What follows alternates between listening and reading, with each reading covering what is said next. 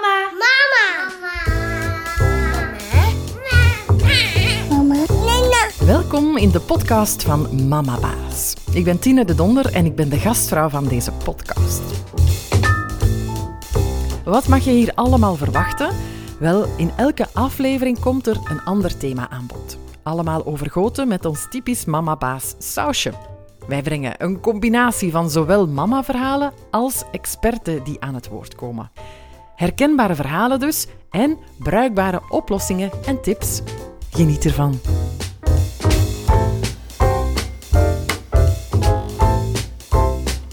Het onderwerp van vandaag is stress en piekergedachten bij kleine kinderen. Daarvoor heb ik vandaag Liesbeth de Smet uitgenodigd, kinderpsychologe en gedragstherapeute met een eigen praktijk. Iemand die dus regelmatig met dit probleem geconfronteerd wordt, denk ik. Dag Liesbeth, welkom Ja, hallo, in onze dag podcast. Ja, hallo. Zeg eerst eens even, stress, wat is dat eigenlijk precies? Ja, stress. Ehm, het is iets wat we inderdaad vandaag de dag veel eh, horen. Hè, met te maken krijgen, zowel bij volwassenen als ook wel bij kinderen en ook wel kleinere kinderen. Ehm, als mensen in de praktijk aanmelden, is dat vaak niet meteen met eh, stress, hè, maar met andere klachten, hè, vaak zoals woedebuien of agressie of dwang of tics, eh, omdat dat vaak een, eh, de stress als oorzaak heeft. Dus vind ik het vaak ook wel helpend om aan ouders even te kaderen van waar die stress komt hè, en hoe dat zit in onze hersenen. En heel eenvoudigweg uitgelegd ehm, probeer ik het dan uit te leggen als dat onze hersenen opgebouwd zijn uit twee grote ehm, delen. Hè. Ons onderbrein eigenlijk, wat een beetje bij de oermensen ook al ehm, ja, het, het dominante aanwezige brein was, dat instaat voor onze impulsen, ehm, onze reflexen, onze emoties, maar ook onze, onze noden. Hè, dat als er een tijger kwam, dat die, hup, dat, dat onderbrein actief werd op gevaar. Hè. Dat en daar is ook ons stresssysteem, ons angstsysteem, wat daarmee samenhangt. Ehm, en hebben we ons bovenbrein, dat eigenlijk met de evolutie meer groter geworden is en dat instaat voor ons plannen en ons denken en onze impulsen beheersen en onze empathie. Eh, als we stress hebben, dan is dat dus ons onderbrein, dat stresssysteem, dat helemaal eh, actief wordt hè, hormonen afscheidt als adrenaline en cortisol. Als dat even is, dan is dat niet zo erg en hoort bij het leven, dat is normaal. Maar als dat heel fel is of heel lang, dan gaat het echt helemaal ons bovenbrein domineren, dat we niet meer kunnen nadenken, onze impulsen niet kunnen beheersen. Ehm, ons lichaam krijgt ehm, allerlei signalen, hè, dus onze hartslag gaat omhoog, we beginnen te zweten, onze spieren worden gespannen door die stresshormonen. Dus kort gezegd is dat... eh, stress. Ja, en vanaf welke leeftijd kan je zoiets hebben? Ja, eigenlijk ervaren baby's al stress, hè, omdat je eigenlijk is de, de geboorte een eerste grote stressvolle ervaring. Eigenlijk ook al in de buik kunnen kindjes stress ervaren. Ehm, baby's ervaren stress als ze ja, honger hebben, eh nood hebben aan nabijheid, moe zijn en ze kunnen dat nog niet uiten. Hè. Dus dan is dat wenen en zo heeft elke ontwikkelingsfase een beetje zijn stressfactoren. Denk aan bijvoorbeeld aan peuters die ehm, heel veel op die autonomie gericht zijn. Hè. Ik doen, zelf doen, maar nog niet die woorden hebben om dat ook allemaal te zeggen of het kunnen. Dus dan komt er ook een stukje stress bij kijken. Eh, bij kleuters ook, die het dan ook allemaal willen eh, zelf doen. Of die ook al meer rond vriendschappen beginnen stress te krijgen. Dus op elke leeftijd ehm, kan dat wel. En op zich is dat niet, is dat niet erg. Stress hoort een stukje bij het leven en is ook normaal en nodig eigenlijk om, om, om, ja, om even onze focus te blijven, om het even die een toets goed te doen of ons te focussen op die voetbalmatch. Dus dat is eigenlijk niet zo erg. Dus maar als het te lang is en te veel en chronisch, eigenlijk dat het ja, blijvende nadelige gevolgen heeft. Ja, daar gaan we het straks zeker verder over hebben. Maar ehm, piekeren, is dat eigenlijk ook zoals bij stress? Is dat ook iets wat je al van bij de geboorte kan doen? Ja, pieker is meer ja, rond, rond gedachten. Hè? En het, het, het kunnen onderscheid maken tussen, tussen, mijn, tussen ik en mijn gedachten. Dat komt eigenlijk maar ja, later en met de ontwikkeling van meer dat, dat, dat bovenbrein, ehm, dat nog volop in ontwikkeling is bij, bij, bij kinderen. Ehm, dus kleuters, ik heb zelf thuis een vierjarige kleuter die zelf vrij ook gevoelig is en die wel al wel een keer durft piekeren. En dat was ook een peuter die ehm, heel onzeker was en een baby die veel weende. Dus dat is een beetje de signalen van dat later piekeren, denk ik, zo, die dat nu ehm, aan bod komen in het veel nadenken en het wat spanningshoofdpijn hebben bij hem en, en zich strap zenuwachtig maken voor eh, dingen. Ja. Ja. Zou je dan zeggen dat elk kind wel eens piekert? Want bij, bij volwassenen is dat wel zo, hè? Iedereen piekert wel eens. Ja, ja, ik denk wel dat iedereen daar een stuk ehm, elk kind zal wel een keer piekeren, maar het, ja, het is allemaal... Een kind is ook... Elk kind is anders en een kind staat niet alleen in zijn omgeving. Dus het is heel belangrijk hè, van, van, van ja, wat is de persoonlijkheid van, van dat kind en hoe is die omgeving, hoe gaat de omgeving daarmee om, hoe, hoe reageert die omgeving en... en uh, ja, zijn er andere stressoren dat piekeren nog kunnen erger maken of is dat eenmalig? Dus er zijn zeker ja, verschillen in. Denk maar aan zo, ja, de, de hooggevoelige kinderen, hè, waar het ja, toch tegenwoordig veel over gaat. Dat zijn wel kinderen die heel veel prikkels opnemen en, en die al ja, vanuit die gevoeligheid en die interne prikkelverwerking die heel um, intens is, ook wel rapper gaan piekeren. Ja, dus die zijn dan ook gevoeliger aan stress? Ja, absoluut. Dat stresssysteem gaat veel rapper in actie schieten. Ja, zijn er nog kinderen die gevoeliger zijn aan stress? Um, ik zie in de praktijk bij mij vaak zijn dat kinderen die een bepaalde um, diagnose hebben, hè, zoals kinderen met ADHD of, of autisme-spectrumstoornissen, omdat die vanuit hun diagnose um, ja, die stressgevoeligheid wel, wel verder hebben. Hè, omdat ze eigen ADHD, dat ze al prikkels ja, rapper, rapper voelen en feller voelen. En, en, en bij autisme is dat eigenlijk ook zo. Maar evengoed bij kinderen met een leerstoornis, die eigenlijk gevoelig zijn aan faalangst, hè, net wat meer als andere kinderen, gaan rapper last hebben van stress en, en piekeren. Dus, dus bij kindjes met een bepaald ja, labeltje zo, maar dat hoeft niet per se zo te zijn. Hè. Ook kinderen met een gevoeligere persoonlijkheid, ja, op zich van niet zo'n grote stressor hè, in onze ogen, dat dat wel voor hun een grote stressor um, kan zijn. Dus een label hoeft niet, maar een persoonlijke gevoeligheid kan even goed.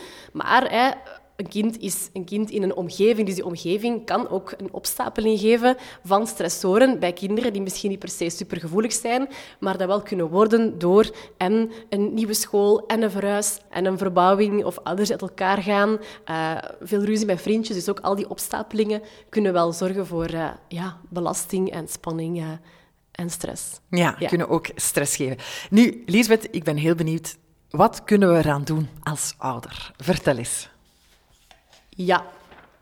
Om te beginnen, het is een hele evidente, denk ik, maar wel heel belangrijk is om voldoende basisrust in te bouwen uh, voor onze kinderen met voldoende slaap. Klinkt heel logisch, maar ik vind het wel belangrijk om nog eens te benadrukken, want in onze drukke rush-maatschappij, waarin dat we en uh, naar school moeten, en naar vriendjes, en hobby's, en ook alle coole programma's moeten gezien hebben, hè. mijn kleuter moet dat ook allemaal precies, um, is het allemaal heel druk, druk, druk.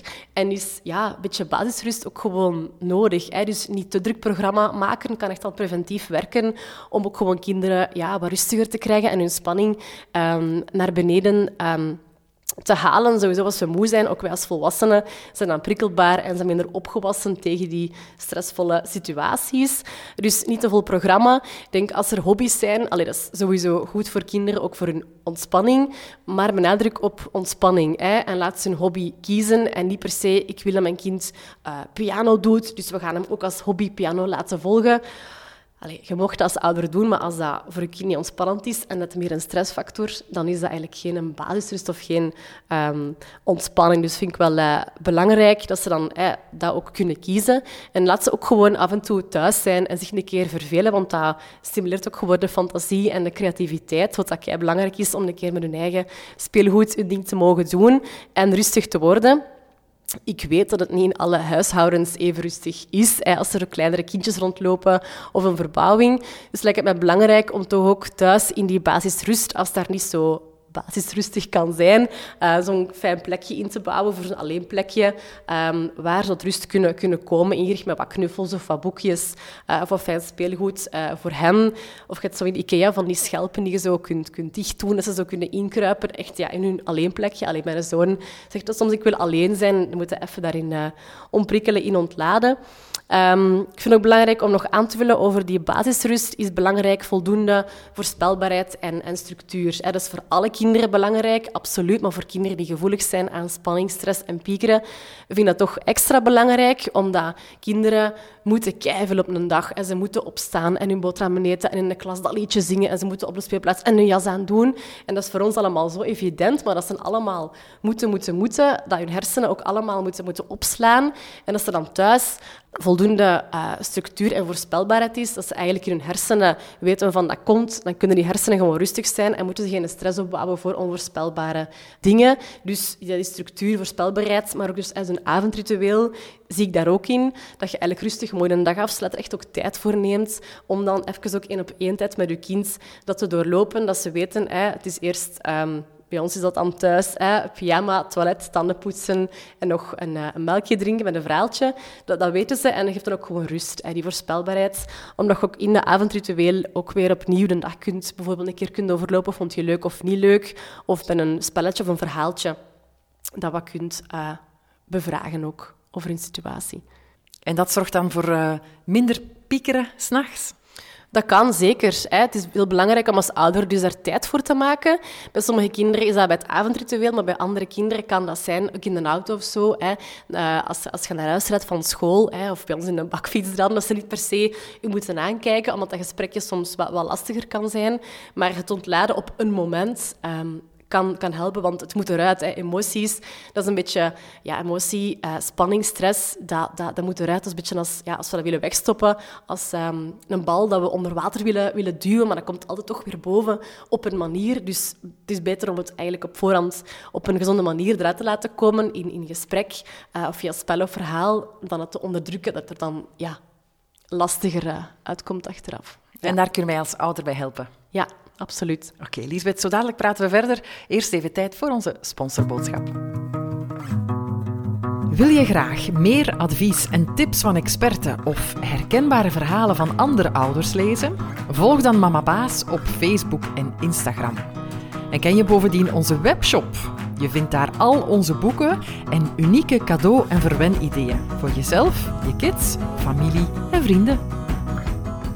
Lisbeth, we praten in deze podcast nog altijd over stress en pieker bij kleuters voornamelijk. Dan ben ik heel benieuwd, welk gedrag kan je zo zien bij kinderen of kleuters met stress?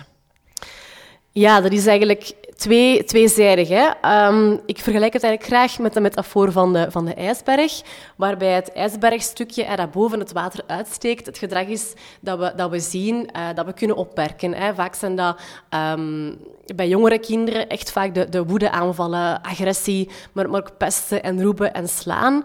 Maar het kan ook even goed uit het, uh, het, naar binnen gekeerde gedrag zijn, zoals dan het piekeren, maar ook ja, lichamelijke klachten zoals buikpijn en um, hoofdpijn, uh, misselijk worden. Um, dat valt dan iets minder op, maar wel heel belangrijk om daar ook oog voor te hebben, dat dat mogelijk ook wel aan die stress gelinkt kan zijn, wat dan onder dat wateroppervlak zit. Denk aan een Titanic, waarbij dat, een supergrote ijsrots was onder water, waarbij dat, ja, de woede kan vele oorzaken hebben, maar ik zie toch heel vaak dat een stuk ergens te maken heeft met spanning um, en stress, um, dat voor frustratie zorgt en dan ja, zich uit in dat, in dat gedrag.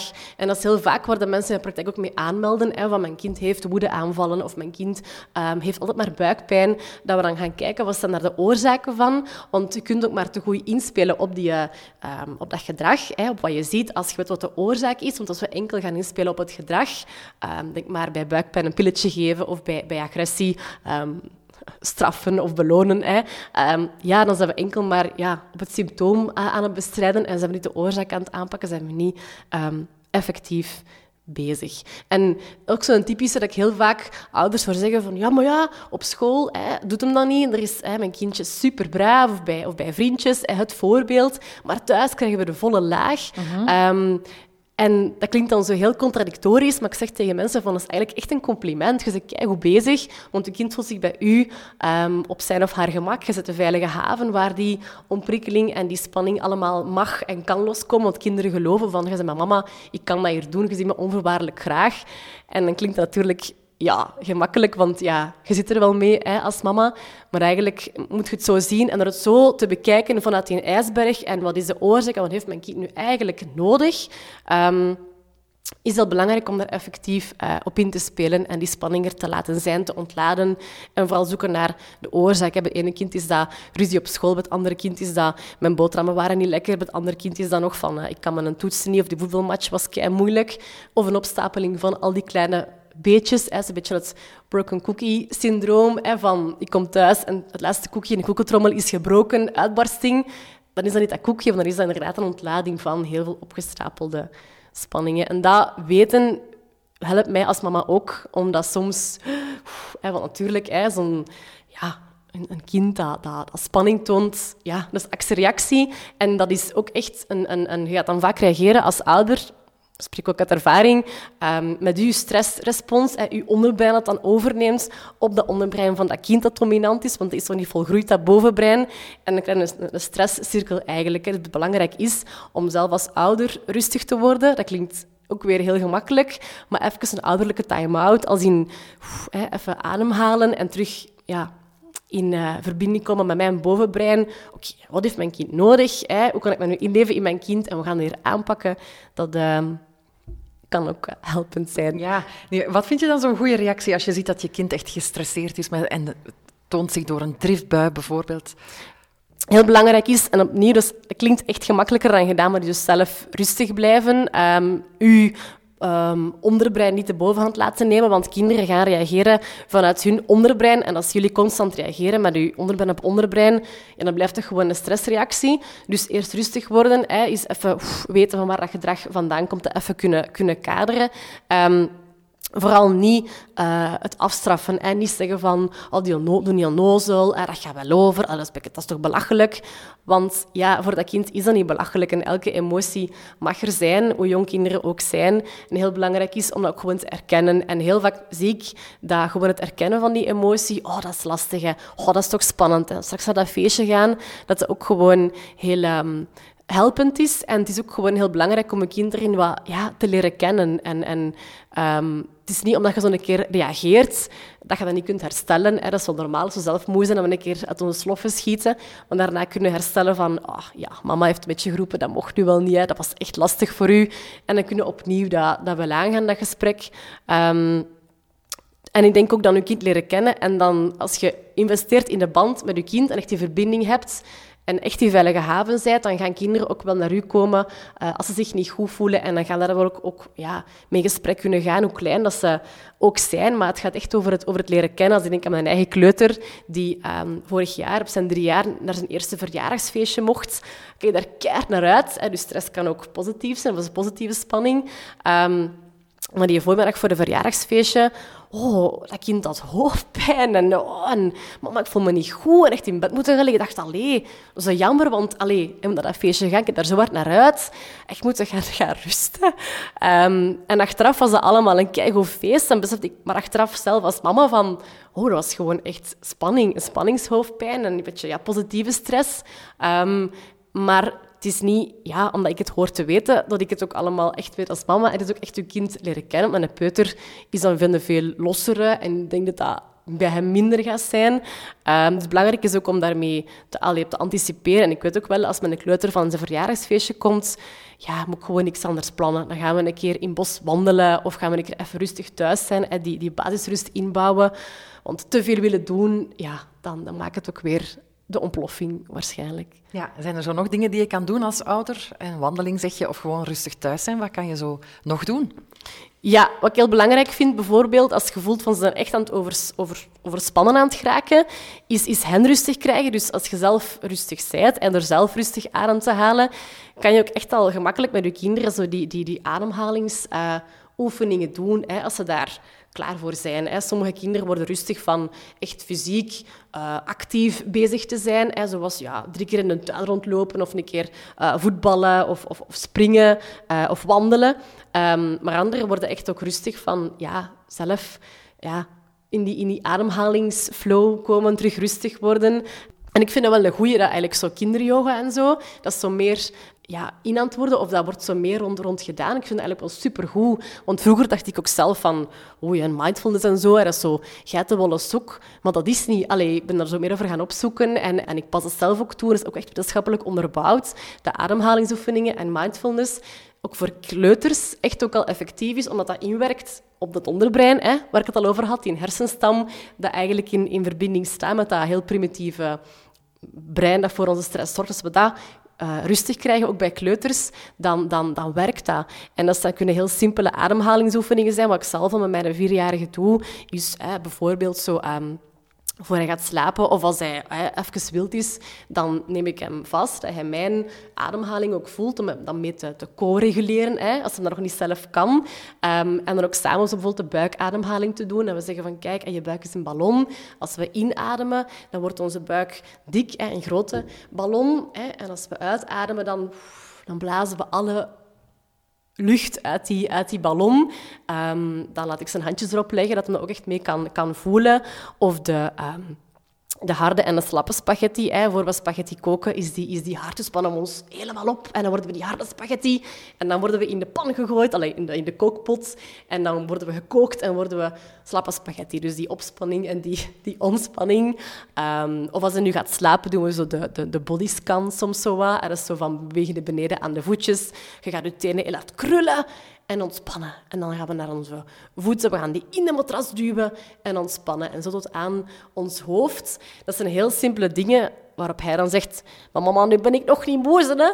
Maar daar gaat het niet om, zeg ik dan. Is, en nu zijn we rustig en dan zijn onze, ja, spanningen van de dag ook wat af. En ja, zijn we gewoon meer mindful en rustig en ons onderbrein is meer in balans om uh, ja, te gaan slapen en, en rustig te zijn. En die dingen helpen echt tegen stress?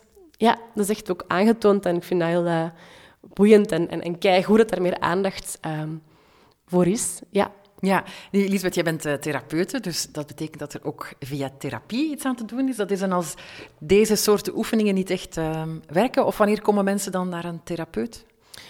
Die oefeningen werken, maar soms ja, weten mensen het ook gewoon niet, niet, niet zo goed. Um, of is er geen tijd voor thuis, of vergeten ze het, of zijn er andere zaken die ze belangrijk vinden, of zijn kinderen zodanig in een stresscirkel geraakt, zal ik zeggen, dat er inderdaad wel wat meer nodig is. En... Um, ik ben cognitief gedragstherapeut. Dat wil eigenlijk zeggen dat ik uh, heel veel ga inzetten op de relatie tussen een, een, een, gebeurtenis en we hebben daar gedachten bij en bepaalde gevoelens en dan gaan we bepaald gedrag vertonen. Hè.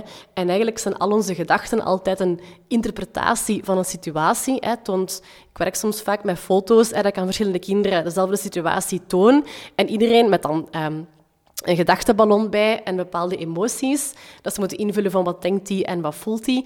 En iedereen gaat daar een andere invulling aan geven, omdat iedereen gaat ja, gedachten maken en gevoelens op basis van een situatie. En dus eigenlijk in de gedragstherapie dat we gaan werken aan um, wat zijn mijn gedachten en hoe voel ik mij daarbij en te leren niet samenvallen met die, met die gedachten en anders leren denken. Want een positieve mindset, positieve gedachten maken ook echt dat we ons anders voelen. En ik vind dat superkrachtig. Dat is ook wetenschappelijk aangetoond zo, van die therapeutische strobing. Um, onze hersenbanen zijn super flexibel, we kunnen altijd blijven leren. Dus als wij altijd in die negatieve hersenbaan, de negatieve gedachtegang zitten, dan gaan we ook nooit ja, positiever kunnen denken en minder omgaan met stress. Maar als we dat kunnen vormen naar, dat zijn mijn gedachten, ik val daar niet mee samen, dat zijn mijn gedachten, en ik kan mijn negatieve gedachten ombuigen, dat gaan we niet negeren, maar ombuigen naar positievere gedachten, dan zijn we veel beter gewapend. Maar hè, natuurlijk, bij peuters is dat niet zo gemakkelijk. Het is eigenlijk vanaf, pak de derde kleuterklas, dat kinderen echt kunnen leren dat ze niet over hun gedachten um, kunnen, kunnen spreken. Maar als het dan over kleinere kinderen gaat, dan werk ik veel meer samen met de ouders. Hè. Pas op, ik vind dat sowieso altijd heel belangrijk, hè, als, als kinderpsycholoog met ouders, omgeving te werken. Het is niet van, hier is mijn kind en bye. Ja, nee, ik vind het heel belangrijk, kind blijft kind in de omgeving. Dus ouders moeten meedoen. Ik heb ouders heel hard nodig in begeleidingen.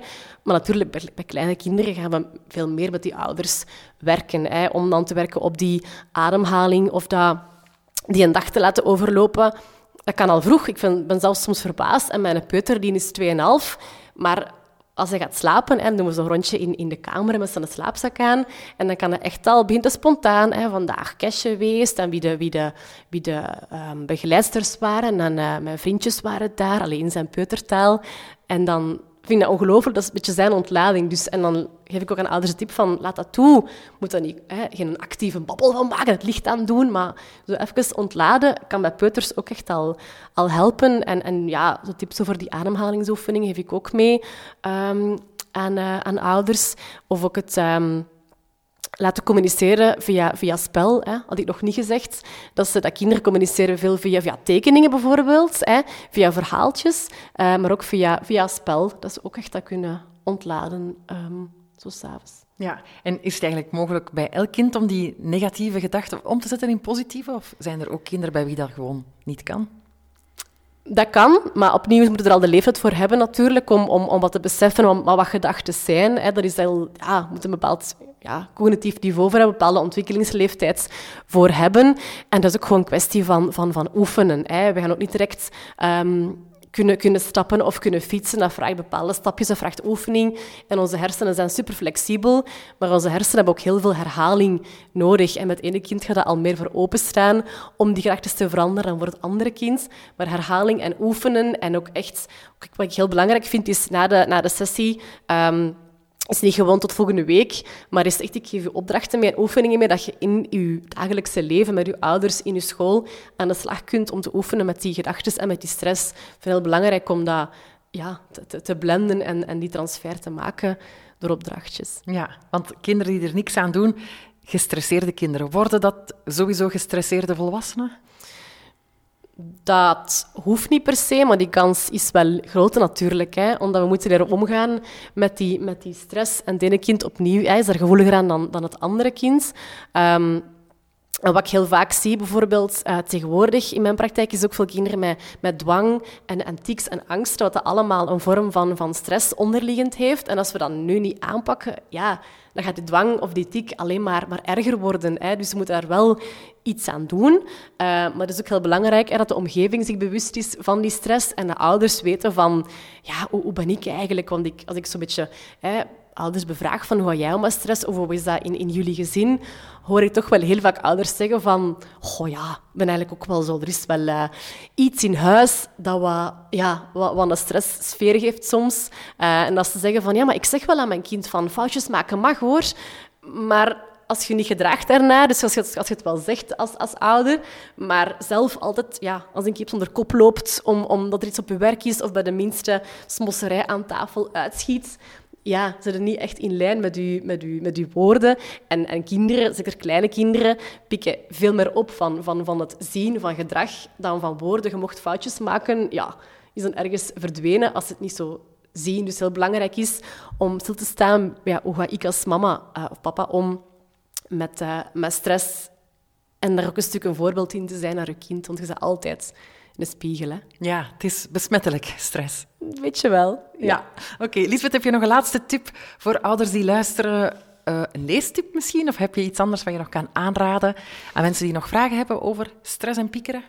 Um, denk, ja, mijn kern is denk ik een beetje inzetten op die verbinding. Hè. Um, in, in verbinding, uh, kinderen zich verbonden voelen, die gaan heel fel u als veilige haven zien. Dus toch zeker, ja, klinkt nu zo wat gemakkelijk, maar ja, minstens 10 minuten per dag ja, tijd maken, echt gewoon één op één tijd voor een kind, is zo belangrijk om hen de kans te geven om die stress wat te ontladen. Hè. Um, als er iets zou zijn, dan, dan gaan kinderen zich verbonden voelen, dat veel rapper uiten bij u op een veilige manier dan op een ja, gedragsproblematische manier of zo. Um, en ja, via, via spel hè, dus ook in, in de één op één tijd kan bijvoorbeeld spel, uh, bepaald rollenspel, um, heel, heel fijn zijn. Ik denk aan het boek van uh, Nele Flamang. Um, als je van spelen leren kan, dat ze verschillende spelletjes uh, omschrijft die echt met kleuters heel goed te doen zijn om ja, die spanning te ontladen. Ik denk aan bijvoorbeeld het machtsomkeerspel, dat als de kleuter iets heeft meegemaakt waarbij hij of zij die dag in een machteloze positie was en dus daardoor spanning heeft opgebouwd, dat je er even gaat omkeren. Hè, dat jij als ouder in de machteloze positie u zet um, en een keer de, de, je kleuter dan de rol geeft van de, de boze juf en dat zo laat ontladen. Dus in dat boek staan wel leuke spelletjes. Je hebt ook de verhalen voor gevoelige oortjes. Uh, dat is van Wendy Janssens. Dat zijn heel mooie verhaaltjes. Um, ook over stress, spanning, maar allerlei thema's die ook spanning kunnen, kunnen geven, zoals um, ja, angsten, maar ook pesten en plagen en zo. En het boekje Slaapklets vind ik zelf ook een goeie. Je hebt ook Slaapklets voor kleuters, omdat daar op een heel fijne, um, creatieve manier een dag kan overlopen worden. Hè? Want dat is soms voor ouders niet zo gemakkelijk van, ja, maar wat vraag je dan? Hè? En als ik, als ik vraag van, heb je gedaan? Dan zegt hij, ik weet het niet. En dat is normaal voor kleuters, want ja, voor hen is een dag nog vaak één... Um, geheel in hun hoofd en hebben ze nog niet echt die planning gemaakt of die opdeling in dagstructuren. En dan kan zo'n boekje, hè, Slaaples voor kleuters, wel fijn zijn om zo aan de hand van fijne tekeningetjes of, of wat... Um, uh, zinnetjes um, wat, of versjes wat een dag te, te overlopen en te, te weten wat er in de kleuter zijn hoofd ziet. Ja, oké, ik hoor het. Er is heel veel materiaal beschikbaar. Ja, zeker en vast. Oké, dankjewel om langs te komen. Het was heel interessant. Lisbeth de Smet. Heel graag gedaan. Je luisterde naar de podcast van Mama Baas. Interview en montage waren in handen van mezelf, Tine de Donder. Wil je niks van deze podcast missen? Abonneer je dan nu meteen. Dat kan je helemaal gratis doen via Spotify of via een andere podcast-app. Vond je het een fijne podcast? Vertel het dan zeker door aan andere ouders en geef ons alsjeblieft een goede review, want dat zorgt ervoor dat nog meer mensen deze podcast kunnen terugvinden. Volg ook Mamabaas op Facebook en Instagram of surf naar mamabaas.com voor meer advies en tips van experten en ook herkenbare verhalen van andere ouders. Heel graag tot de volgende keer.